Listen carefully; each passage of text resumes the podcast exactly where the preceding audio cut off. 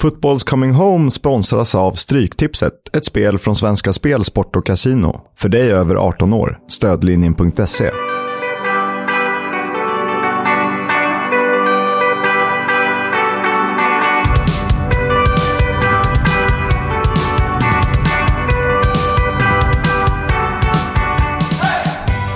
Leo berättade om Wigan Athletic och vad passar väl bättre än att ha någon som faktiskt har spelat i Wigan. Varmt välkommen Erik Hedman. Stort tack så mycket. Hur är läget? Ja, men det är ganska bra uppe här i Stockholm och ska jobba med lite kommentering här i två dagar. Så att eh, smög in i studion också. Eh, och tack för inbjudan. För de som inte känner till dig nu, eh, vad gör du nu? Ja, lite eh, strökommentering lite då och då på Simor TV4, eh, U21, eh, några Champions League-matcher och sen är jag tränar på, eller för ett lag utanför Helsingborg, typ division 2-lag nu då, Hittarps IK. Ja, så lite andra små grejer kanske, men, men det är i stora drag det jag pysslar med. Mm. Ja, det är ju stort. Alltså, det är ju dels stort att ha en för detta Wigan-spelare här. Jag kan tänka mig att du tycker det är stort att det är en för detta Tottenham-spelare här. Det är ändå en man som har tagit i hand med Michael Dawson, vilket gör det hela ännu, mycket, ännu större. Är det din uh, favorit, Michael Ja, det Dawson? är, det är en favorit. Ja, en och det favorit. är en uh, riktig gentleman också. En jävla trevlig prick alltså. Jag kan tänka mig att man hade inte en tråkig stund på planen, eller i omklädningsrummet. Nej, dels det. Skön, avslappnad kille, ödmjuk också och, och ja, bra, bra person rent allmänt. Liksom. Uh, ja, trevligt att umgås med honom, uh, även om det blir ganska kort. Kisk gillar ju Michael Dawson så mycket, så när jag var i Hall av alla ställen och Dawson spelade där, då fick jag ju en beställning att jag skulle köpa en Dawson-tröja specifikt. så det gjorde jag. Ja, honom tycker jag om. Jag har mina spelare. Ja, så är det. Eh, vi ska väl prata lite om Wigan. Eh, först och främst, hur din upplevelse av Wigan, hur kommer du ihåg det? Som stad menar du då? Eh, I allmänhet, både kl- klubb och stad. Vi kan börja med klubb kanske. Ja, framförallt så var det väl en klubb när man kom som var ganska okänd för mig där. Ehm, främst en rugbyby kan man säga. De har ett rugbylag som spelar på samma arena där, DV Stadium. Jag vet inte om den heter JJB Stadium eller Day Wheel. Jag, jag har ingen aning just nu. Nej, de, de byter väl ganska ofta Ja, det var ett sponsornamn där ett tag på den där sportkedjan där liksom. Eh, nej, och sen, jag har ju knappt varit i stan eh, så alls. Jag var nere och gjorde någon intervju när jag kom med Wigan Peer där och, och skulle käka någon paj eller någonting. Men det, det föll ganska platt kan jag säga faktiskt. Men så att, någon större eh, bild av, av själva stan har jag inte. Men sen är det var det ju en klubb då som var alltså, en liten uppstickare kan man väl säga, men samtidigt ville hålla hyfsat ordning på ekonomin. Då hade en, den här ägaren och Dave Whelan då som, som var starke man och, och hade byggt upp eh, ett, någon form av eh, affärsimperium med den här sportkedjan främst då. Och tyckte väl det var kul med lite fotboll också. Du, du har ett roligt smeknamn på staden. Ja, eh, Jonas Dahlqvist, en gemensam bekant, eh, han kallar ju Wigan för Englands största parkeringsplats. är det något du kan skriva under på? Liksom? Har du den bilden av? ja, men då syftar han ju säkert på, på uh, parkeringsplatsen vid arenan och uh, det är ju ja, som ofta i England nu, shoppingmall bredvid eller någon form av uh, affärscentrum där. Va? Och det är klart att det är, en, det är en stor parkeringsplats runt där, men sen om den är Englands största, det har jag svårt att se. Alltså ja. Men, men om du inte varit i stan så mycket säger du, och det är ju för Wigan, det ligger mitt emellan Liverpool och Manchester. Jag kan tänka mig att spelarna bor i Manchesterområdet. Är det, är det, det är så det är då, eller? Ja, det var så det var för mig i alla fall. Vi, uh, Isaksson, Andreas Isaksson var ju i Manchester City när jag kom dit. Va? Så han sa ju här ska du bo ganska nära flygplatsen nära om, vad ska man säga, södra, södra Manchester. Så det var en bit att åka med bilen men vi bodde väldigt bra, eh, ja, bra bostadsområde där. Hale, eh, Bowden, eh, där, där många fotbollsspelare bor. Du har ju Olle Ledge till exempel. Eh, som, som är ganska känt främst från, från Beckham och Ronaldo bodde väl där jag för mig också. Så att, eh, det området kan man säga är ett jättetrevligt, eh, ja, ganska lugnt område. Eh, du har ju några klubbar att jämföra med. Eh, om du får sätta dem i kontext med varandra, vad, vad säger man om storlek och professionalism och Ja, nej men eh, om man tar Wigan är ju de, av de klubbarna jag har, har verkat i så är ju Wigan kanske den klubben som skiljer sig från de andra. Där, I de andra fanns det ju en, en lång historik och det fanns traditioner på olika nivåer. Då, Tottenham som har sin historia och var någon form av storklubb och eh, ja, nästan på en global aktör kan man väl ändå säga. Så många som håller på Tottenham och så vidare. Eh, Torino med sin historia, Karlsruhe var jag kort tid också. Det är också en relativt eh, alltså, välrenommerad klubb i Tyskland. Det var ju i alla fall förr. Olli Kahn till exempel och, och Michel Tarnat och lite sådana spelare kom ju därifrån innan de gick till Bayern München. Och, och det har väl präglat den historien, även om de är lite tuffare nu då i Zweite Bundesliga. Sen har du Rennes. Eh, också lång historia, även om de inte riktigt har, har lyckats vinna någonting förrän... Ja, det är nu det börjar hända ja, saker. Precis, Ja. absolut. De har tagit de stegen som, som de kanske hoppades att vi skulle göra när vi var där. Eh, men, men byggt det i en, alltså i en takt där man hela tiden kan anpassa kostymen efter liksom, eh, ja, där man är så att säga. Liksom, på, ett- på ett hälsosamt sätt. Och det är också en stark ägare i, i Pinot där bakom liksom, till exempel. Så det fanns en historia där. Herefen också. Ehm, ja, ganska stark eh, skandinavisk prägel på den klubben var det ju då. Framförallt Jon Dahl Tomasson är väl det mest kända namnet då som kom tidigt och en, en annan eh, dansk högerback som heter Ole Tobiasen som gjorde det jättebra. Sen kom ju Albeck och, och ja, det, det följde med det liksom. Mm. Du eh, hade ju ett par eh, fina år i Frankrike, i Rennes där. Eh, du var väl egentligen Tottenham till Rennes och sen tillbaka till, till England. Hur kommer det sig att du, du vill, sökte du dig tillbaka till England? Hur, eller hur kommer det sig att det blev Wigan? Ja, det, det, de dök upp på sommaren där och, och la ett bud, men då ville inte Rennes släppa mig. Um... och vi kände väl, jag kände väl någonstans en saknad ehm, från Premier League-fotboll. För det är ju något speciellt. Alltså det går inte att komma ifrån att det är otroligt stort. Och särskilt som svensk kille liksom med, med tips extra och det här snacket som, som ni säkert har haft tidigare med dem. Att man bygger en, en, en eh, ja, en tradition kring engelsk fotboll och en hype kring engelsk fotboll som finns i Sverige. Och den, den fanns ju inte i Eng äh, eh, Frankrike på samma sätt. Så att den saknaden och sen var det väl också sociala faktorer med, med att det är kanske lite enklare med, med ja, man ska säga, komma in i ett samhälle, ett socialt liv i England. Det fanns några svenskar där också. Nu var ju Petter Hansson visserligen i Rennes vid den tiden där också, men, men eh, eh, vi skulle ha vårt andra barn också och lite så här, ja men dagis och lite sådana grejer och ja, bättre betalt också ska jag också lägga till. Den lilla faktorn, den brukar vara avgörande i många fall. Alla som står här brukar inte erkänna det, men det, det var ärligt. Rakt ut. Hedervärt ändå. ja, verkligen. Men så du trivdes bättre i England helt enkelt, om man ska hårdra det, om man slår ihop allt det där. Jag vet inte, när jag summerade så tycker jag ändå det var en jäkla intressant tid i Frankrike. Nu, nu är det ju en engelsk podd där, men Frankrike som land har ju så otroligt mycket. Det är maten, det är kulturen.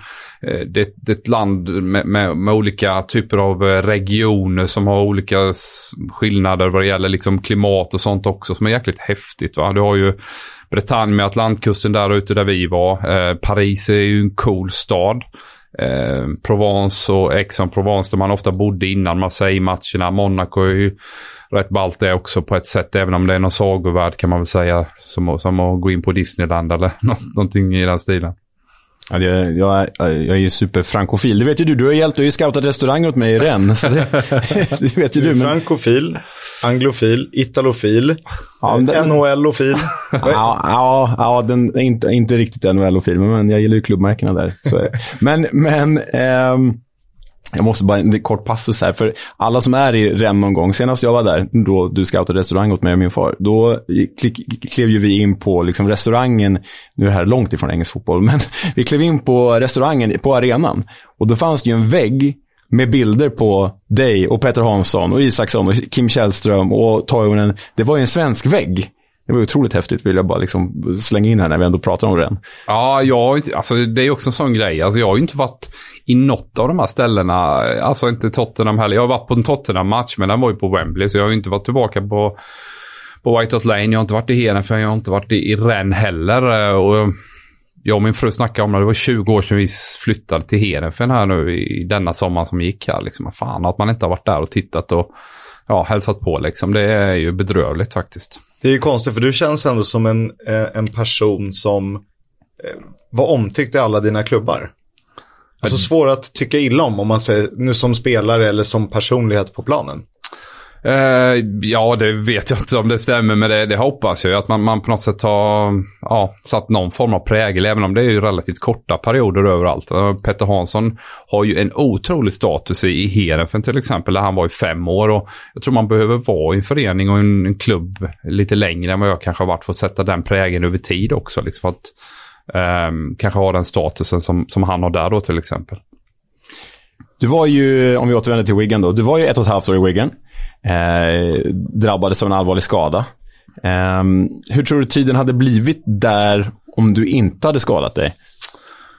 Eh, ja, det är klart att jag hade ju spelat på hela den våren. Eh, sen fanns ju Maino och Figueroa där. Eh, jäkla bra spelare som, som var en ung kille då på den tiden. De hade tagit han direkt från eh, eh, Honduras som han är ifrån. Jag tror han spelar fortfarande för Honduras landslag. Så att han har säkert 160-170 landskamper. Så att han hade kanske eventuellt på sikt eh, konkurrerat ut mig ändå. Nu blev ju det en, en, en um, förändring som blev tidigare för att man satte in honom redan på sommaren där efteråt då. När jag blev skadad så körde de uh, irländska landslagsspelaren Ke Kevin Kilbane uh, de matcherna tills de hade säkrat kontraktet och sen släppte man in Maynor som, som uh, gjorde det bra på träning och uh, var och är eller var en jäkla bra fotbollsspelare. Så att, jag kanske inte hade spelat varje vecka men jag hade ju spelat betydligt mer och det är klart att en korsbandsskada påverkade ju eh, vad säger man, en nedgångs, en nedåtgående kurva lite snabbare. Och psykologiska aspekten också att vara skadad och behöva träna rehab istället för att spela med sina kompisar. Ja, alltså det är ju aldrig bra. Sen, sen klart, ska du välja att dra ett korsband eh, och vara borta ett år så, så, så väljer jag ju hellre att göra det i 30-årsåldern än kanske när man är 19-20 och på väg uppåt så att säga. Va? Eh, jag hade väl haft min prime om man ska nu liksom tala klarspråk och vara ärlig. Liksom. Eh, så, så, att, nej, det är ju aldrig bra, så är det ju inte. Du har spelat med massa profiler om vi kollar på Wigan-namnen. Amrisaki, Charles Sogbia, Mario Melchior, Antonio Valencia är de vi har skrivit ner. Vem, vem stod ut mest? Och du behöver inte välja av någon, dem, utan... Nej, men det är, det är ju många bra fotbollsspelare där. Wilson Palacios också, en annan från Honduras, jäkla fin spelare. Eh, Mido, bra karaktär som jag spelar med både i Tottenham och i Wigan. Eh, jag kommer ihåg första gången han kom till, till, till träningsanläggningen så, så hade han en chaufför på, på en vit Rolls Royce där som han landade ner från, från Middlesbrough. Han, han eh, var en person som kunde göra en entré om man säger så. Va? så att, eh, det var ju många karaktärer där. Och Amersaki som du nämner där hade ju en jäkla härlig start där fram tills Mido kom. För så fort Mido kom så, så blev han helt iskall. Eh, så det var också så här konstig grej där, där Merzaki leder väl mer eller mindre Premier Leagues skytteliga fram till Mido ramlar ramlar in. Och det hade väl inte Steve Bruce riktigt eh, tänkt till kring den personkemin och att de två var, eh, vad ska man säga, Egyptens två största fotbollsspelare vid den tidpunkten mm. och konkurrerade om någon form av rampljus som gjorde att Amir eh, Saki, eh, ja, föll, föll ner lite där på, på, på skalan från att vara stekhet till att bli iskall. För att vara så bra så kändes Mido som en spelare som eh, gjorde medspelarna sämre. Bara med sin blotta närvaro. ja, det är, ju, det är ju känslan i alla fall. ja, jag kan ju säga. jag liksom, gillar ändå Mido. Ja. Nej, men alltså, både i Tottenham och i Wigan, så de här första månaden så tänker man ju för fan, det här är ju världens bästa fotbollsspelare. Han sköt från vinklar som man, man tror inte är sant. Det bara smäller upp bollar i krysset i parti och minut. Så att liksom, när han väl kom in och i början och den entusiasmen så han har ju en otrolig karisma, eh, Mido, liksom, när han kommer in i ett rum. Han tar över hela stället liksom. Eh, påminner en del om Zlatan på ett sätt, men kanske lite varmare i, liksom i, i framtoningen. Zlatan är ju mer för, eh, vad ska man säga, respektingivande på det sättet om man, man ska jämföra. Men just förmågan att, och, och liksom auran att ta över ett rum är, har ju Mido, det kan man lugnt säga.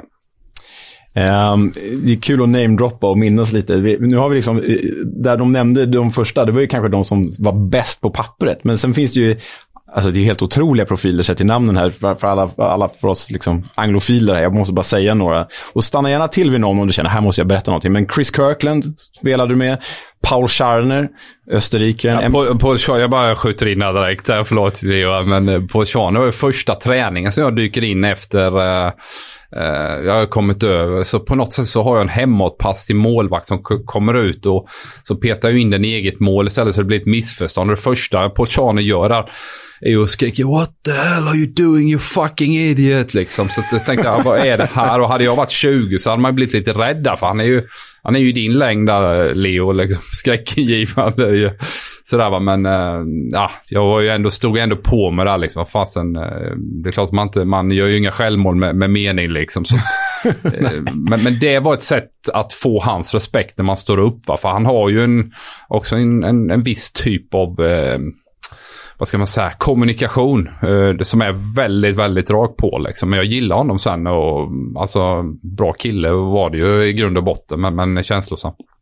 Utåt ganska speciell figur. Han färgade väl håret blått och, och... Ja, det hade han ett tag. Sen hade han ju vitt och svart. Alltså en, en schackruta typ. Just det, just det, just det. Han var ju verkligen en, en, en profil. En karaktär. Ja, en karaktär. Ja, minst sagt. Ja. Ja, men sen var det andra figurer som Emerson Boyce och Titus Bramble, Hugo Rodajega, Antoine Sibierski. Det, det, är riktigt, så här på pappret idag, det känns som ett riktigt rövargäng. och inte alla av de som var på väg uppåt direkt där. Sibierski landade ju in på slutet där, men det var också en sån jäkla skön kille som jag haft lite kontakt med. Eh, efteråt. Han var agent ett tag, han var sportchef i, i Lance en period och tror jag tillbaka i i England nu och ja, rotat sig där. Sen hade han ju en liten tragisk familjehistoria med dottern där som, som, eh, som gick bort här Oj, också. Så att, eh, men men, det, nej, men det var många där. Valencia som du, som du är inne på också. Antonio Valencia. Det hade ju ofta honom mot mig på träning och det är klart att det gjorde att man var på tårna minst sagt. Alltså. Stark, snabb, teknisk eh, och, och var ju ung på den tiden. Liksom. Man såg ju att det här kommer bli riktigt bra. Mm. Det var en kille som kunde springa. Ja, det kunde ju du också. Hur var, hur var lagfesterna med, med det här gänget? En ganska apart samling eh, herrar från hela världen. Uh, ja, men det, det, är ju faktiskt någonting som jag tycker sticker ut i England. Att liksom, där tror jag de har kommit mycket längre generellt med integration. Uh, om man tar London till exempel, när man är i London och går på gatorna. Det är ju, alltså dels är det mycket turister såklart, men det finns ju väldigt mycket folk från olika typer av kulturer och uh, ja, ursprung rent generellt och jag tror att det är nog någonting som har präglat engelsmännen. De hade säkert eh, liksom en period där vi kanske går igenom nu i Sverige. Gick de igenom på säg 50-60-talet liksom. men de har ju kommit längre där och det gjorde också att utlänningar kände sig väldigt välkomna. Och de var väldigt välkomnande i sitt sätt att och liksom ta emot eh, ja, utländska spelare. Liksom. Man har ju hört några rövarhistorier från NHL där man liksom chicken swedes och fryser ut folk. Så, så var det absolut inte här. Utan engelsmännen är, ja, visst, det finns en konkurrenssituation och det vet alla om. Men det är ändå på ett hälsosamt eh, sätt skulle jag säga. Eh, som tränare i Wigan, eh, två, i alla fall på pappret för oss som står utanför, ytterligheter. Steve Bruce ena säsongen, Roberto Martinez andra. Det, hur skulle du beskriva de två? Ja, eh, och Steve Bruce har ju fått en hel del skit kan man väl säga här nu då med Newcastle. Jag skulle vilja säga att han eh, definitivt kompetent. Eh, man kan väl eh, särskilja de två, Martinez och Steve Bruce, som, som en, en ja, du har Steve Bruce som, som kommer in och städar ett rum medan liksom Martinez inreder det sen. Va? Om man tittar på eh, vad de har taktiskt och så vidare. Steve Bruce har ju jäkla kvaliteter i att förstå vad man behöver i laget för att överleva. Men har ju inte samma eh, kvalitet sen taktiskt och kanske träningsmetodiken håller kanske inte up to date. Men eh, Eh, jäkligt street smart och förstår att okay, vi behöver ha detta och detta, vi behöver spela på detta sättet med den här truppen. Och eh, för oss handlar det om att hänga kvar liksom. Och det, det, där ska jag säga att C. Är eh, jäkligt kompetent på de bitarna. Sen Roberto är ju en person, även Graham Jones får man väga in i det också, för de kom ju samtidigt. Graham Jones, som, jag vet inte om han är kvar i Newcastle nu eller uh, har varit assisterande i engelska landslaget. Då. Det finns ju också en historik med Graham Potter där. Jag träffade Daniel Kindberg vid ett tillfälle efter den här 9-1 matchen dagen efter. Jaha, okay. Så landar Daniel Kindberg in liksom. Och jag bara tänkte, vad fan är det här för lirare? Så presenterar han, jag har ett uh, division 2-lag och vi ska upp i allsvenskan. Och jag tänkte, vad fan den här dåden kommer jag ju aldrig mer träffa i hela mitt liv.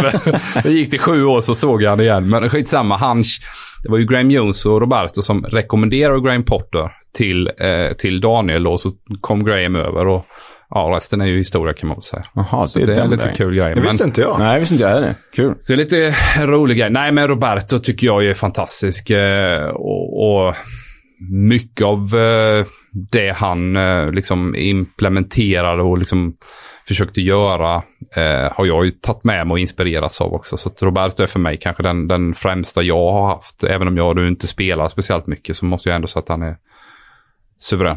Både liksom taktiskt och man management om man säger. Eh, ska vi säga att eh, framförallt träningsmetodiken, hur han liksom vill spela fotboll och ofta är det ju kanske att man har possessionövningar, man bara passar runt bollen. Här fanns det alltid ett syfte med vad man ville få ut. Man ville liksom bygga övningar så att liksom provocerar fram vissa beteenden.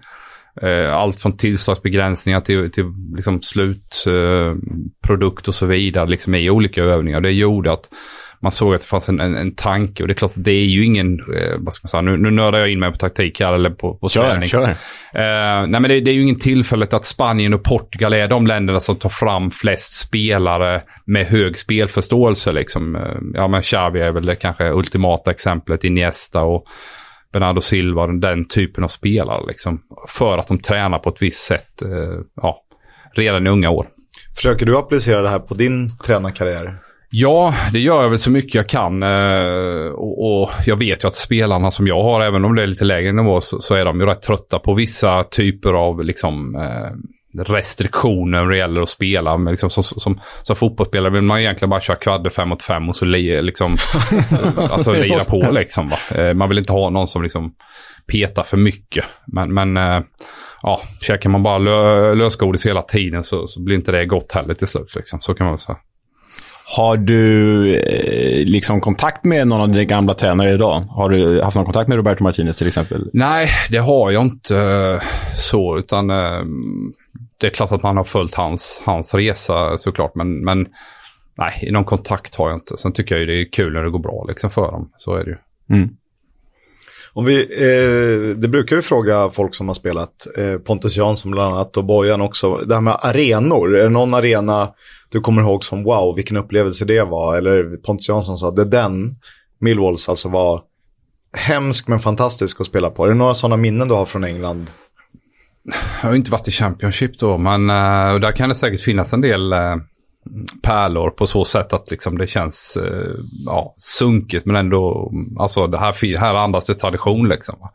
Uh, nej men Goodison tycker jag är cool på det sättet. Uh, jäkla tight, gammal. Omklädningsrummen är ju extremt små och Leo hade ju knappast kommit igenom tunneln där eh, med den längden du har. Uh, så den är ju häftig. Sen, sen måste jag ändå säga att, att White Hot Lane är ju speciell liksom. Och det är klart att det är lätt att och liksom, mm, tycka att ett derby mot Arsenal hemma är coolt och häftigt och den atmosfär och nästan hatiska stämning som finns då, det, det är ju något speciellt. Eh, Så att, får vi säga de två då, ja, Anfield är ju också speciell. Alla, det finns ju många, men, men just det här täta, det är väl det man vill åt också som spelare. Att det, det är ju någonting som triggar.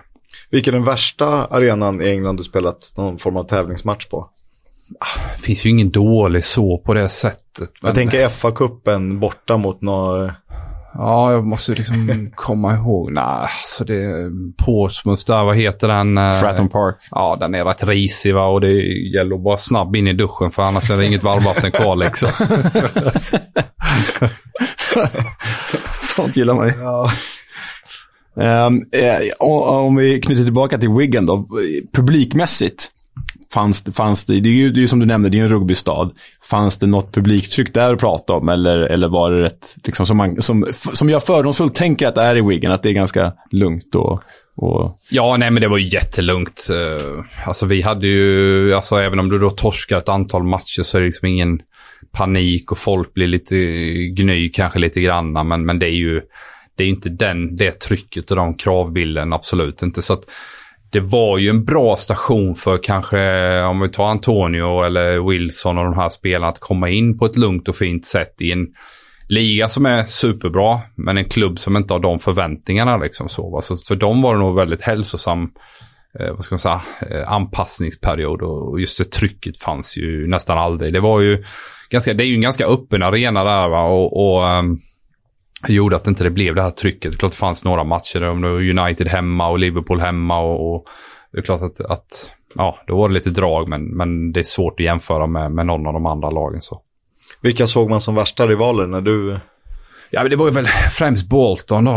Eh, för de var ju uppe fortfarande då och hade ju ett rätt bra lag. Johan var ju där till exempel, Elmander ett tag också. Och, och, eh, så främst Bolton. Det ligger lite vägg i vägg. Blackburn har det också. Eh, men jag ska säga Bolton. Um, du nämnde Johan där i Bolton. Wigan har haft sin beskärda del av svenska svenskklubb, skulle du kunna kalla det. Ja. Andreas eh, Johansson var ju först och sen har det varit Andreas Granqvist och så du och Marcus Holgersson och Jonas Olsson. Eh, varför tror du att Wigan blev en svensk klubb? Ah, jag vet att det Jag tror att liksom när, när du ska köpa en engelsk spelare kontra likvärdig kvalitet på, på svenska marknaden så behöver du inte betala lika mycket. Det, det är garanterat en anledning. Du behöver inte ge dem lika mycket lön för att de ska vara hyfsat tillfreds. Eh, sen är, har det ju varit olika ledningar som köpt olika spelare, så jag tror inte kanske att det är någon röd tråd man, som går att hitta där. Va? Men, men ofta har det ju varit att har man varit nöjd med, med, med en viss typ av importer så fortsätter man på det spåret. Va? Sen är det väl ingen av dem, om vi ska vara brutalt ärliga, som har gjort något större avtryck, inklusive mig själv. Då. Nej, nej, det, stämmer väl. Om, det stämmer väl. Om ja, det stämmer väl. Men eh, jag ser en liten röd tråd här. Det är kanske bara att jag greppar efter eh, halmstrån i mitt HIF-hjärta. Det kanske jag inte har sagt. Jag håller på HIF förut. Ja, ja, men ja. men eh, Andreas Granqvist, du, Marcus Holgersson. Det är ändå tre hf som hamnade i Wiggen. Ja. Finns, finns det någon ko koppling där, eller blev det bara så? Ja, det blev nog bara så, tror jag faktiskt. Eh, Andreas var ju på väg uppåt, men steget där var ju ganska stort att komma från allsvenskan rätt in i Premier League. Så att han gjorde några matcher och gjorde absolut inte bort sig. Men, men sen kom Steve in, Steve Bruce in och, och då ville, ville han satsa på lite mer erfarna spelare. Och, han hamnade väl mer eller mindre i någon frysbox och, och stack hem till HIF på eh, ja, ett halvårslån. Gjorde det fantastiskt bra och sen då drog han vidare till Groningen. Alltså. Mm. Mm. Så en svensk klubb utan att vara en svensk klubb kan vi väl säga. Lite så. Håller du koll på Wigan idag? Dåligt faktiskt. Uh, League One, uh, mittengäng, något sånt va? Uh, nu går de bra faktiskt. Det går bra nu. Ja, det känns ja. som nästan favorit att gå upp. Ja, okej. Okay. Mm. Vinner de sina matcher till godo så har de ett väldigt bra läge. Ja. Mm. Mm. Jamie Carragers son är väl där. Jag följer honom på Twitter där, så att, uh, jag vet inte om han lirar någonting. Ja, det är nog, nej, mer, mer, mer än vad jag kan svara ja, på. Ja. Bra fråga. Nej, jag, jag, ska vara, alltså, lägger mig platta liksom. Jag, jag, jag, har inte stenkoll på dem eh, just nu. Och det är ju såklart att League One är väl ingen liga som jag följer slaviskt så. Så det är klart att det, det handlar ju om det också. Men eh, klart att man tittar till hur går det liksom lite då och då. Uh, Rennes, eh, Heerenveen till exempel. Ja, det blir ju så. Många svenskklubbar har du representerat. Um, skulle du, det här brukar vi fråga våra gäster också. Skulle du rekommendera våra lyssnare, som säkert är liksom lite resesugna när man får och kan och åka sådär. Skulle du rekommendera någon att åka och kolla på Wigan? Eller skulle du säga, nej fan, åk någon annanstans? Nej, men jag, jag, tror ju lite det som jag, som jag ändå tror och tycker väl om Championship. Att det finns en genuin ja, genuinitet eller vad man säger kring liksom atmosfären och det är engelsk prägel på saker och ting liksom fortfarande.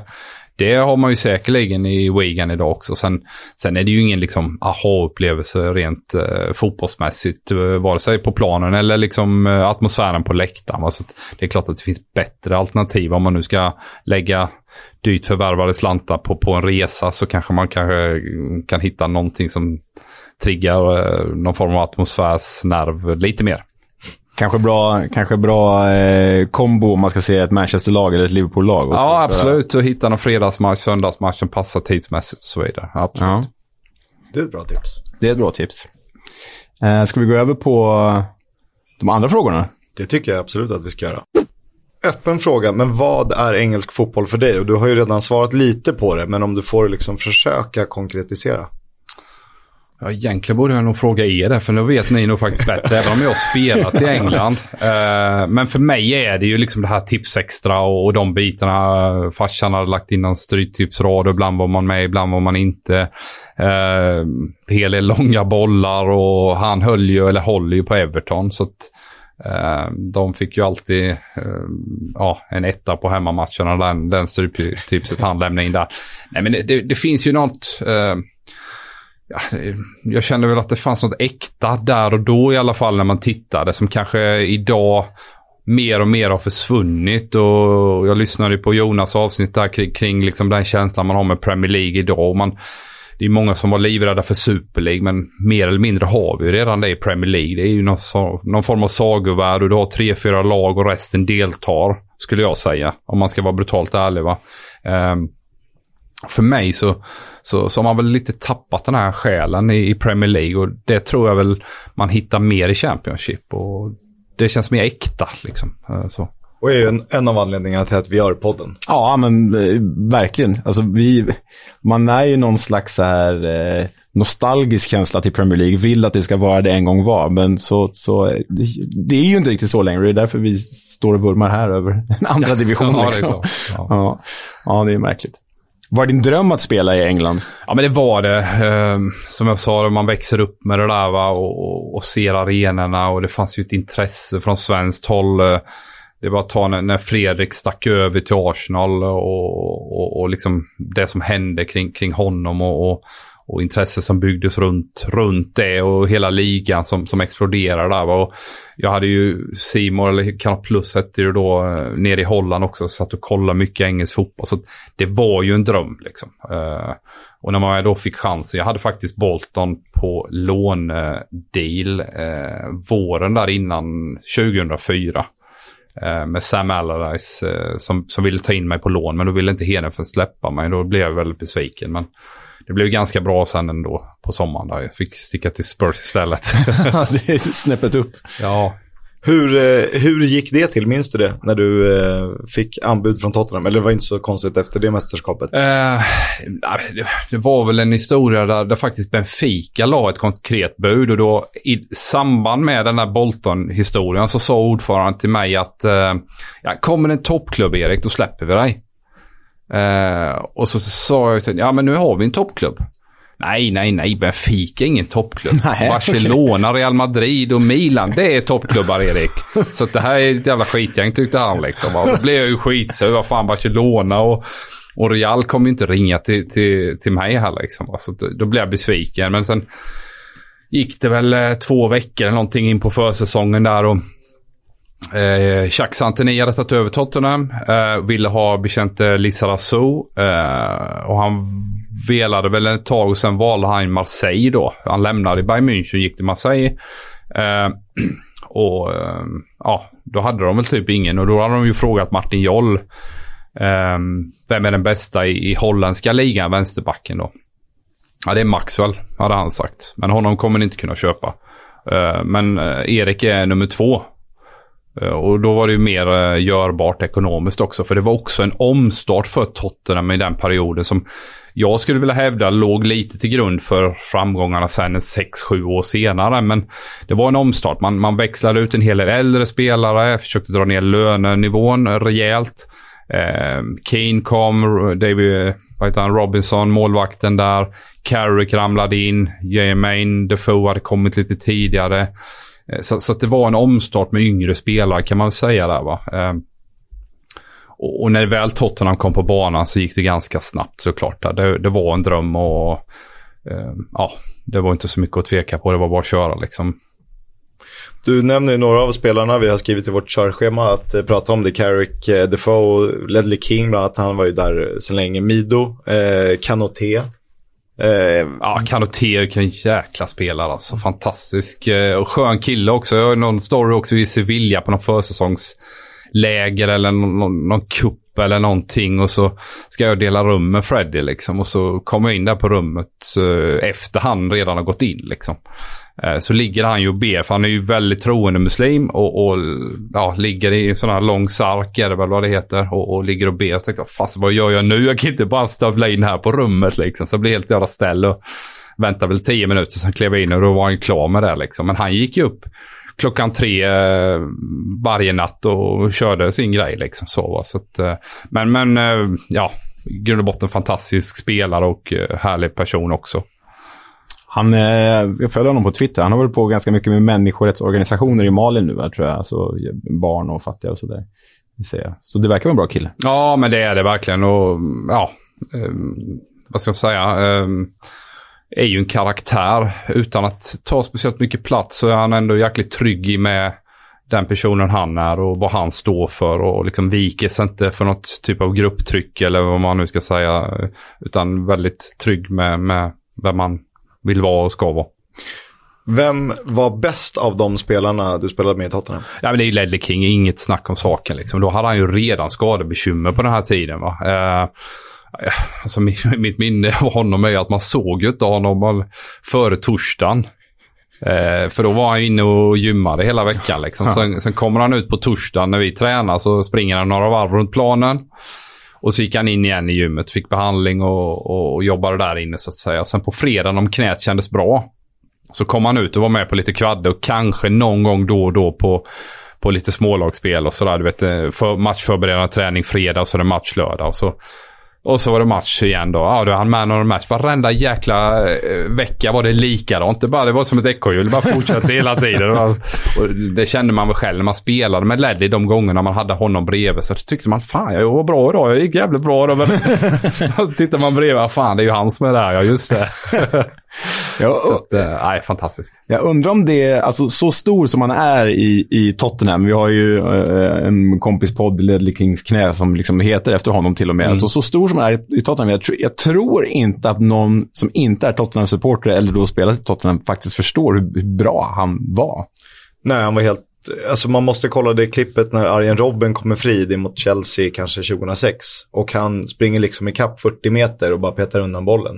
Ingen straff, ingenting, ingen diskussion. Fantastisk spelare och kapten antar jag också som ledare. Ja, absolut. Och som du är inne på. Alltså, för mig är det ju alltså, alltså, det är lätt när man själv har spelat med honom att man håsar upp någon då. Men ja, men nästa, alltså det är den nivån liksom. Om inte han har haft skadebekymren.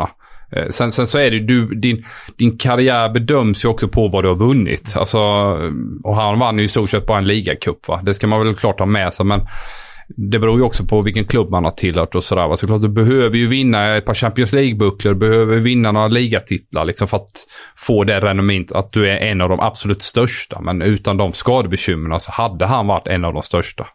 Det tragiska är att han nog hade vunnit dem i en annan klubb än Tottenham. om han inte hade varit skadad. Men hur var det att spela i, i en sån här stor klubb ändå som ändå var på väg upp igen? Hur, hur, hur var det? Ja, men det, det, var ju en stor omställning och man kan väl lite likna det så i och med att man själv som svensk har suttit och tittat på den här typen av spelare så, så den här första tiden, första månaden, två månader, det var väl lite som att själv gå in i någon form av tv-serie. Som att man var med i Friends eller eller något liknande. Det kändes lite så här surrealistiskt. Vad fan gör jag här? Liksom, när ska de syna, syna bluffen ungefär? Liksom, typ så, va? så den känslan hade man ju lite i början. Men det är, det är klart att det går ju över och det blir en vardag det med och när man känner att fan jag kan också slå en passning liksom så, så, så, så, så går ju det över. Men det, det, det, är ju en, ja det var faktiskt surrealistiskt i början och, och liksom byta om med den typen av spelare i början. Såklart har man har spelat i landslaget och Henrik och Zlatan och så vidare. Men eh, nu var det liksom engelska toppspelare varje vecka som man såg liksom, på nära håll. Du gjorde ju 30 plus matcher den säsongen, 04-05. Eh, och sen varvades Yang Pyo Lee in, eller hur? Och det var mm. väl anledningen till att du lämnade? Ja, jag fick väl känsla lite på Martin där, även om vi inte hade Martin Joll hade tagit över efter Jacques Santini. Um, och fick väl känslan att han ville satsa på honom. Han hade gjort en bra resa med PSV där. De gick till semifinal i Champions League för mig. Åkte på bortamål mot Milan ja. Ja, just det. Ja. Uh, och, och, så att han var väl het och på väg in där och kände att ett år till VM, jag vill spela kontinuerligt. Um, sen i efterhand så, så kan man känna att ja, det var jäkla bra två och ett halvt år i Rennes, men jag saknade kanske också det som man fick i, i Tottenham och ja, den statusen som fanns kring klubb och liga och allt sånt där också. Så, så det var en omställning, men, men uh, ja, och, och, samma där, jag dubblar min lön. Jag måste bara säga, jag har ju aldrig hållit på Tottenham, men, men det här Tottenham, jag vet att du och många Tottenham-supportrar har ju Klinsmann-laget som liksom kanske superstjärna. Men det här Tottenham var verkligen, det säger inte bara för att du står här, utan det var verkligen det charmigaste Tottenham jag har upplevt. Jag spelade det här Tottenham, så, så många gånger jag tränat dig på Football Manager, Erik. Det, Nej, men det här liksom Robbie Keane-Tottenham var ohyggligt charmigt. Alltså det var ju roligaste laget i Premier League. Men om man säger så här, spelaren man eh, blev förälskad i var ju Klinsmann, men lagen, det var ju de här eran, 2003 till, eller egentligen från 2000 till 2006-2007, när engelsk fotboll var på riktigt. Och det var massa härliga karaktärer snarare än bara de bästa spelarna. Och fenomenalt underhållande. Fantastiskt. Ta med er det. Vilket otroligt Tottenham Ja, var men, med. jo men det känner jag. Och sen är det ju också att det blir ju, jag ska inte säga efterhandskonstruktion, när man ser vad spelarna har gjort i sina karriärer. Men det är klart att en så som Michael Carrick, när han kom in då, det var ju Arnesson, Frank Arnesson som var sportchef den säsongen. Köper Michael Carrick. Eh, Santini vill inte ha honom, fortsätter köra med Jamie Carragher, eller Jamie Redknapp. Eh, och så fort eh, Martin Jolt tar över så sätter han det första han gör är ju bara att ta bort eh, Jamie Redknapp och sätter in Michael, Dawes, eh, Michael Carrick. Eh, och sen så liksom var han ju gjuten där inne liksom. Eh, magisk passningsspelare liksom. Alltså helt otrolig liksom. Man brukar säga det om engelska spelare, då har de här vristpassningar ut efter marken och den bara sitter liksom. Det, det flyter med, du, du, du bara springer rätt in i bollen liksom. Det hade han ju liksom. Det, det är väl någon form av skolning där. Han var i West Ham också där med, med hela det gänget med Defoe också. Defoe är ju också en jävla lirare på den tiden. Jag kommer ihåg någon gång vi, vi eh, skulle ha något styrkepass där. Vi tränar förmiddag, käkar och sen är det ju styrkepass. Och eh, Defoe var väl inte så jävla sugen på de jävla styrkan så han gick in och pissade på, på aggregatet in i bastun och sen stank det urin i hela jävla eh, i hela, i hela byggnaden där. Så vi fick ju ställa in det fyspasset och åka hem istället. Ja, han var ung där också ska man ju komma Ja, ihåg. Så att det det- får lite förmildrande omställning. Lite rolig grej faktiskt. Ja, verkligen.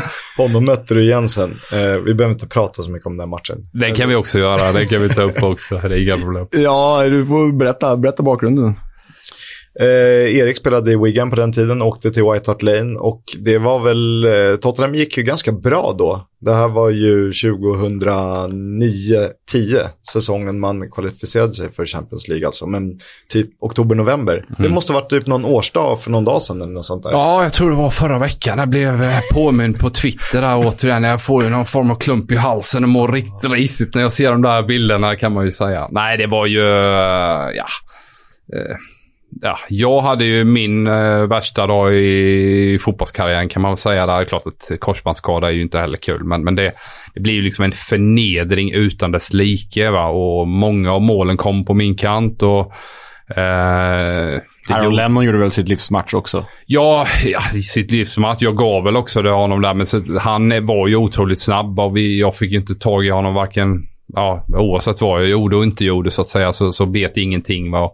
The Main har ju någon sån situation vid en hörna där liksom. Där han, jag tror han har gjort tre mål vid det här tillfället. Jag säger, Jermaine, you had enough.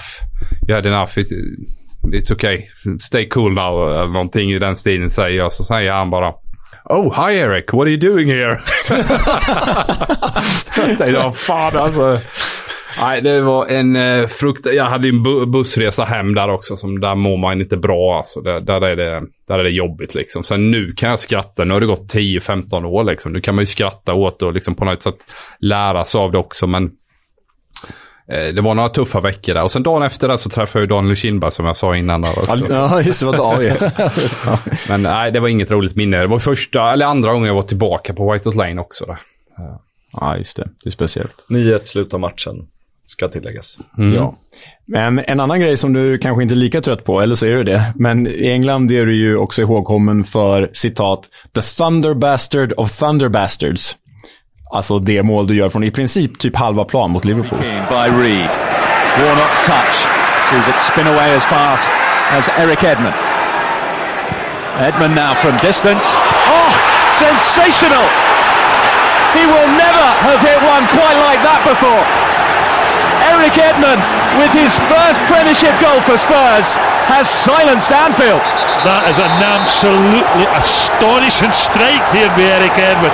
It looked as if Keane and Reid had messed the corner up. Try to take it short. It lands at Edmund. I don't know. We we're talking over 35 yards here. We must be. Hits this left footed. It is an absolutely sensational strike. Best goal I've seen from distance this season. Absolutely no question about that. Dude, absolutely no chance whatsoever. Hur trött är du på det målet? Eller Nej, men det, kan, jag, kan du jag, någonsin tröttna på jag det? kan snacka hur mycket som helst om det där ju. Nej, det var väl också en eh, blixt från klar himmel. Eh, bollen kommer ut efter hörna där och jag kommer ihåg att Robbie stod och gapade och skrek som alltid gjorde att han ville ha bollen. Men sen så sköt jag så ja, var han väl nöjd ändå. Den, den gick ju in där borta liksom. Så det var... Det är ju klart jäkla rolig grej att ha. Och det är ju också en sån grej som eh, ja, kontinuerligt kommer på Twitter. Så det, det ger ju en varm känsla, så är det ju absolut. Hur ofta sköt du före och efter från den typen av lägen? Ah, Ja, jag skö- alltså, det är ju nästan som man, det blir pinsamt att skjuta igen från samma läge på något sätt. Liksom. Men det var väl några hemmamatcher sen efter. Så, så fort jag fick bollen så, så skrek ju publiken shoot, shoot, shoot. Liksom. Och det är väl lite kul såklart. Men äh, jag ha- hade inget kanonskott så. Utan äh, fick en fantastisk träff och framförallt så Jesse Durek ser ju bollen väldigt sent. Och när han väl upptäcker den så så, så är det över om man säger. Va? Då har han ingenting att göra utan kan bara se den segla in där borta. Liksom. Jag tror att han...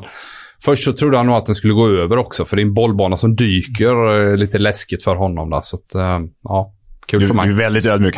Alltså, hade han sett den i tid och försökt allt han hade så hade han ju inte tagit den ändå. Det är, det är ett sånt skott liksom. Nu har du en rolig fäl- fältfråga här. Ja, Som du redan har besvarat. När du hade den bössan, varför sköt du inte mer? den är besvarad. Uh, ja, klart att eh, framförallt så handlar det väl om att, eh, alltså, ibland kan jag, när jag analyserar min egen karriär, så, så för mitt eget bästa så hade det varit bättre om man varit mer egoistisk eh, utifrån att liksom promota sina egna kvaliteter.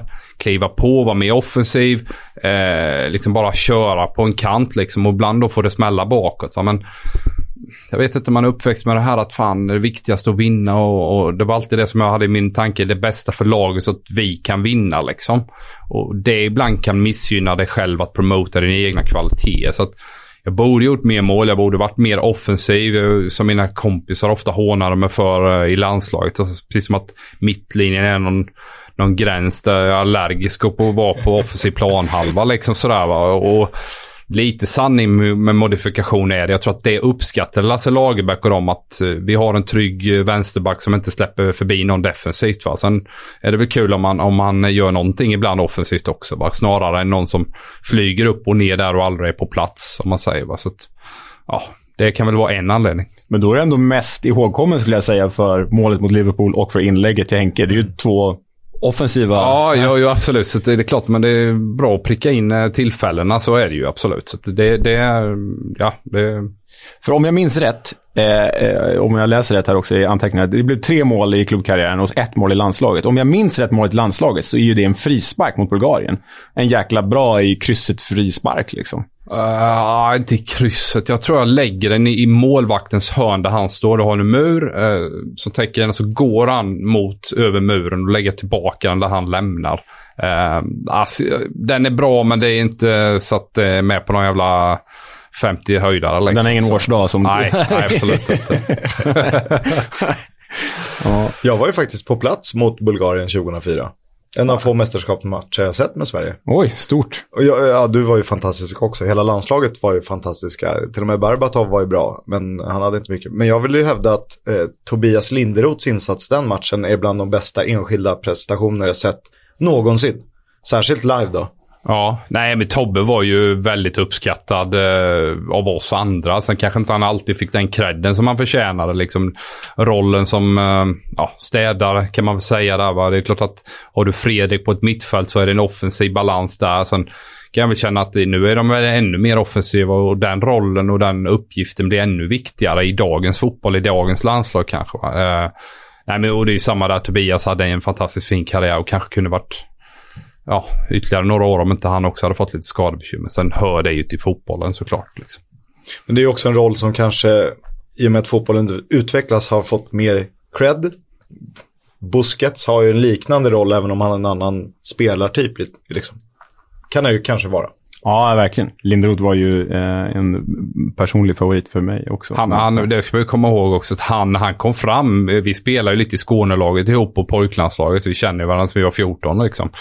När han kom fram så var han ju en, en teknisk skön lirare som jobbade med instick och var framförallt, eh, ja, jäkligt begåvad vad det gäller liksom motorik och, och den typen av saker som sin pappa Europa. Mer den eh, fotbollsspelartypen var han ju när han kom fram. Sen hände ju någonting när han gick till Stabæk där han blev den här defensiva motorn eller defensiva spelaren mer kan man väl säga. Så att, eh, alla har ju den bilden men när han kom fram var han ju otroligt teknisk ska man komma ihåg. Men fina fötter, om jag kommer ihåg rätt så i FCK så fick jag ju ta både hörnor och frisparkar för att en fin fot underskattad då med, med svenska ögon. Liksom. Ja, ja.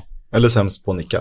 det är därför jag tar dem. Han nickade faktiskt bort en viktig boll på mållinjen en gång mot Spanien. Om du kommer ihåg det när vi vinner med 2-0 mot Just det. Spanien. Och det slutar sen med att Albeck Ja, ja, så snurrar det upp målet, eh, det. Puyol. Så att, Mm. eh, Råsunda 2008. Ja, så att, eh, det kunde blivit 1-1 där. Det blev 2-0 istället. Så att, eh, någon, någon gång har han nickat i alla fall. Ja, ja. Eller skjuten i huvudet. ja, exakt. Ehm, den där frågan har vi egentligen dragit här för nu klipper kör om du har något. Nej, men jag tänkte på det Kevin. här med, med tränarambitioner. Siktar du på att bli professionell fotbollstränare eller liksom sakta men säkert? Eh, ja, alltså hade, hade jag verkligen, verkligen haft superambition så kanske jag inte skulle sluta till HIF. Jag var ju U19-tränare där va, och liksom gjorde mina år för att lära sig och bli bättre och så vidare. Så att, jag tog en paus på fem år kan man säga. Sen hoppade jag på det här jobbet nu i division 3 och så vann vi trea nu i år. Och tycker det är jättekul. Vi har en ung spännande trupp som förhoppningsvis blir ännu bättre nästa år. Och eh, enkla att jobba med, fotbollssmarta på så sätt att de lätt kan ta, ta till sig in, instruktioner och sådär. va. Så att, eh, ja, men jag tycker det är jättekul. Sen vad det leder vet jag inte. Att jag ska sticka till till eh, Västerås eller någonting och flytta med hela familjen eller pendla eller någonting. Ehm, ja, det tror jag väl inte kommer hända liksom. De har fått nog av att flytta. Ja, sen inget med all respekt mot Västerås nu liksom så att det sänker Det dem fullständigt. Ja. Nej, vi, vi är kompis med Kalle Karlsson, så han, han kommer nog acceptera det där. Du nämnde Roberto Martinez förut, den som influerat dig mest. Är det någon annan under din karriär som har influerat dig i tränarrollen? Men alla har väl gjort det. Jag hade ju, man kan väl också väga in Foppe de Haan, en legendarisk holländsk tränare som, som, som jag hade i Hedenfen där. Och, och på något sätt kommer man från den svenska skolan med det sättet att liksom bygga sitt spel, bygga sina träningar och så kommer man ner till Holland och eh, inser ju efter ett år eller ett och ett halvt när man varit där miljön, ja fan, så här kan man ju också göra liksom. Eh, och det kan också bli bra. Eh, och det har jag väl tagit med mig också väldigt mycket och det gjorde väl också att det var lättare att förstå sen vad Roberto ville eh, eh med sin fotboll kan man väl säga. Så att, och, och tittar man också historiskt så finns det ju en länk mellan Holland och Spanien också. Eh, Rinus Mitchell, Cruyff och allt det här liksom som, som ligger till grund för utvecklingen. Sen blir det ju hybrider med, med Pep Guardiola och så vidare liksom som, som tar det vidare till, till nästa nivå och gör det mer vad ska man säga, statistiskt baserat utifrån vad man ska träna och så här liksom. Eh, eh, ja, så att, så att han har påverkat mig mycket vad det gäller skift skifte i filosofi kan man väl säga. Ehm, jag har ju en, eh, en kuriosa fråga här. Jag har försökt, jag har ställt frågan på Twitter, du vägrade svara, så jag kör den här istället. Vi flyttar oss till Frankrike, till Rennes. Numerologi i fotboll, det är väldigt viktigt för mig. Du hade nummer nio som vänsterback. Hur kommer det sig? Ja, eh, jag vet att den var ledig där, den, det året när jag kom ner. Och det var väl liksom, vill du ha 45 eller 9 liksom, typ så, va? Då tog jag ju 9 liksom. sen, sen är man ju inte den bästa nian i, i fransk fotbollshistoria genom tiderna, så kan man väl lugnt säga. Va? Men eh, framförallt inte som vänsterback. Liksom, så. Så att det, är, det är egentligen inte mycket mer än så. Den var ledig och de andra numren var inte tillräckligt attraktiva. Jag vill ha 14. Uh, eh, Um, Cruyff tycker jag är ju cool liksom, så, på olika sätt. Inte bara som spelare utan ja, auran och det. Va? Så att 14 var, var mitt nummer så som jag ville ha men det fanns inte ledigt där och då. Känns som ovanligt att uh, nian är ledig. Känns som att den borde ryka först. ja, liksom. exakt. Ja, ja, vi, vi hade ju Alexander Frey där också som, uh, uh, som fanns där. Men jag kommer inte ihåg vad han hade för nummer när jag kom ner. Uh, ja. Ja. Vem hade 14 då? Uh, ja, det vet jag inte heller. Det kommer jag inte heller Någon jävel som du raderade. Ja, men det, det, var ju många, det var ju många bra spelare i Rennes också där. Va? Nu, nu ska vi snacka engelsk fotboll, men det var ju många bra fotbollsspelare där med. med Gorkuf, NBA, Melchiot som faktiskt också var med mig Just det, det Egan. var, ja, just det. Det, det är ju en jävla bra fotbollsspelare, Mario. Alltså. Helt otroligt. Oh, superproffs på, på allting liksom. Uh, ja. Nu ska vi prata engelskt egentligen, men eh, Gorkuf vill jag stanna lite vid. Varför blev inte han så bra som han hade kunnat bli? Ja, och det är nog egentligen en fråga som, som Kim Källström ska besvara bättre, för de var ju tillsammans i Lyon där va. Eh, Johan hade ju en fantastisk resa med Kim. Vi hade en som hette Etienne Didot. Eh, Sylvain Marvaux, eh, som, som var lite Newcastle också. Vi hade ett jäkla bra innermittfält där. Eh, NBA spelade mer och mer. Sen var det inte Kims favorit, för han var ju mer sån tuffing liksom. Så att han ville ha ett Yandy då, så att han, Kim kunde få bollar och Gorkuf kunde få bollar. Men jag tror han gjorde tio mål som 18-åring i franska ligan där eh, och en hel del assist också. Och därefter gick han till Milan, fick väl ett stopp i, i den kurvan kan man säga. Sen kom han tillbaka till Bordeaux, Laurent Blanc är tränare. Eh, han och eh, Marwan Chamak hade ju super... Eh, Man gick till kvartsfinal i Champions League där. ja, de var ju magiska där Bordeaux ett tag. Va? Vinner ligan och allting. Så att, Och Goffrin och var väl där också till och med. Nej, det är otroligt. Ja, nej, men de var ju superbra va? och Johan var ju, hade, gjorde ju helt magiska mål och blev, fick ju det här liksom epitetet nya Zidane. Sen är det, blir det ju liksom allt, kommer en ny så är det en ny Maradona och så vidare i Argentina och Frankrike var det Zidane. Va? Men det var väl någonting som han hade kanske svårt att leva upp till och vad som sen händer i, i Lyon och framförallt den här Knyssna-grejen. Eh, där nere i Sydafrika. Heter det Mm. inte Knyssna? Jo, det, ja. Eh, och, och vad de hittar på där nere. Så jag vet inte. Kim vet eh, mycket mer än vad jag om kring varför han inte fick ut sin potential. För det är ju tydligt att det fick han inte. Nej. Lite synd. Han har gjort det snyggaste målet som aldrig blev mål. Finns någonstans på YouTube. Vilket är involverad också. Det är något eh, trippla väggspel och sen avslutas det strax över om det tar i ribban. Mhm. Ja. Får jag hem och youtuba nu. Ja, han har ju något, eh, just det här förmågan att kunna dribbla med båda fötter och flytta liksom tvåfotsdribblingar runt i och runt straffområdet. Han har ett magiskt där. eh, Ja, han har ju flera magiska i Bordeaux framförallt. Nej, men alltså jag, jag är, håller ju Lyon närmast hjärtat av alla klubbar. Eh, och jag skulle säga att... Eh, Av alla dina 35 favoritklubbar. Nej, men verkligen, det som jag verkligen, verkligen håller på. Liksom, det är väl tre som jag verkligen håller på. Eh, och de allra, allra mest. Och han är ju den största artisten jag har sett i Lyon under de här nästan 20 åren jag har hållit på dem. Men man satt ju ändå och var frustrerad för man visste att det fanns så mycket mer. Ja, liksom. ja. De Ehm, mentala spökena tror jag också kom Ja. in i bilden. Liksom så. Men ja, Om, ehm, eh, vi börjar lacka mot slutet här i intervjun. Ehm, har du något, liksom, det här är det absolut bästa minnet jag tar med mig från min tid i, det behöver inte vara Wigan, men England. Och, Rolig bussresa eller konstig pajtävling eller någonting. nej, alltså det är väl klart det är många saker. Sen så här på rak arm eh, vet jag inte riktigt så, men eh, Ah, det är klart att debuten är ju speciell liksom. Eh, Liverpool hemma 1-1 liksom och lite som jag sa det här tv-serie eller filmkänslan. Man fan, vad gör jag här liksom? Man är nervös som tusan innan och så går det ganska bra. Vi får ett kryss liksom. Och eh, jag hade en kompis över från, från, från Sverige och jag och min dåvarande flickvän.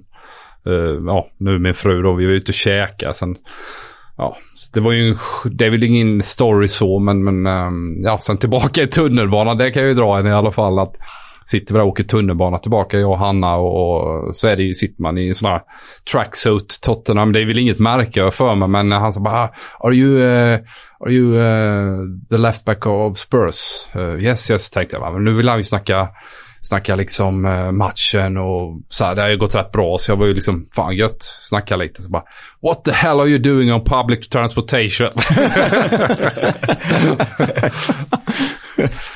ja, det är bra. jag bara tänkte, ah, det blev ingen fotbollssnack där. Nu är London större än andra eh, engelska städer, många andra. De, alla egentligen. Eh, blev du stannad på stan om man säger, eller i närområdet, eller i matbutiker? Nej, men det är det som är skönt i England ju. Att man är ju jäkligt anonym. Jag tror i och för sig att spelar du Chelsea eller Arsenal på den tiden, Fredrik kunde kanske inte gå ut liksom. Där, där blir det ju liksom rockstjärna eh, liksom, känsla. Men, men vi var relativt anonyma och jag var definitivt det liksom. Eh, bodde ett tag också andra halvan i Hampstead där Fredrik bodde också liksom. Eller bor kanske fortfarande. Jag vet inte var han bor nu men.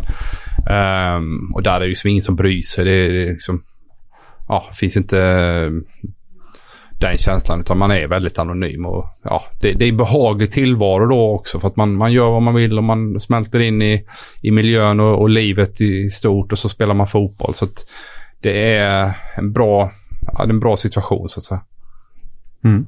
Fina slutord. Verkligen. Tack för idag säger vi. Kul att ha dig med. Ja, stort tack för, för att få vara med. Nej, det är vi som ska tacka. Vi ska tacka. Grymt. upptäckta vägar de han tar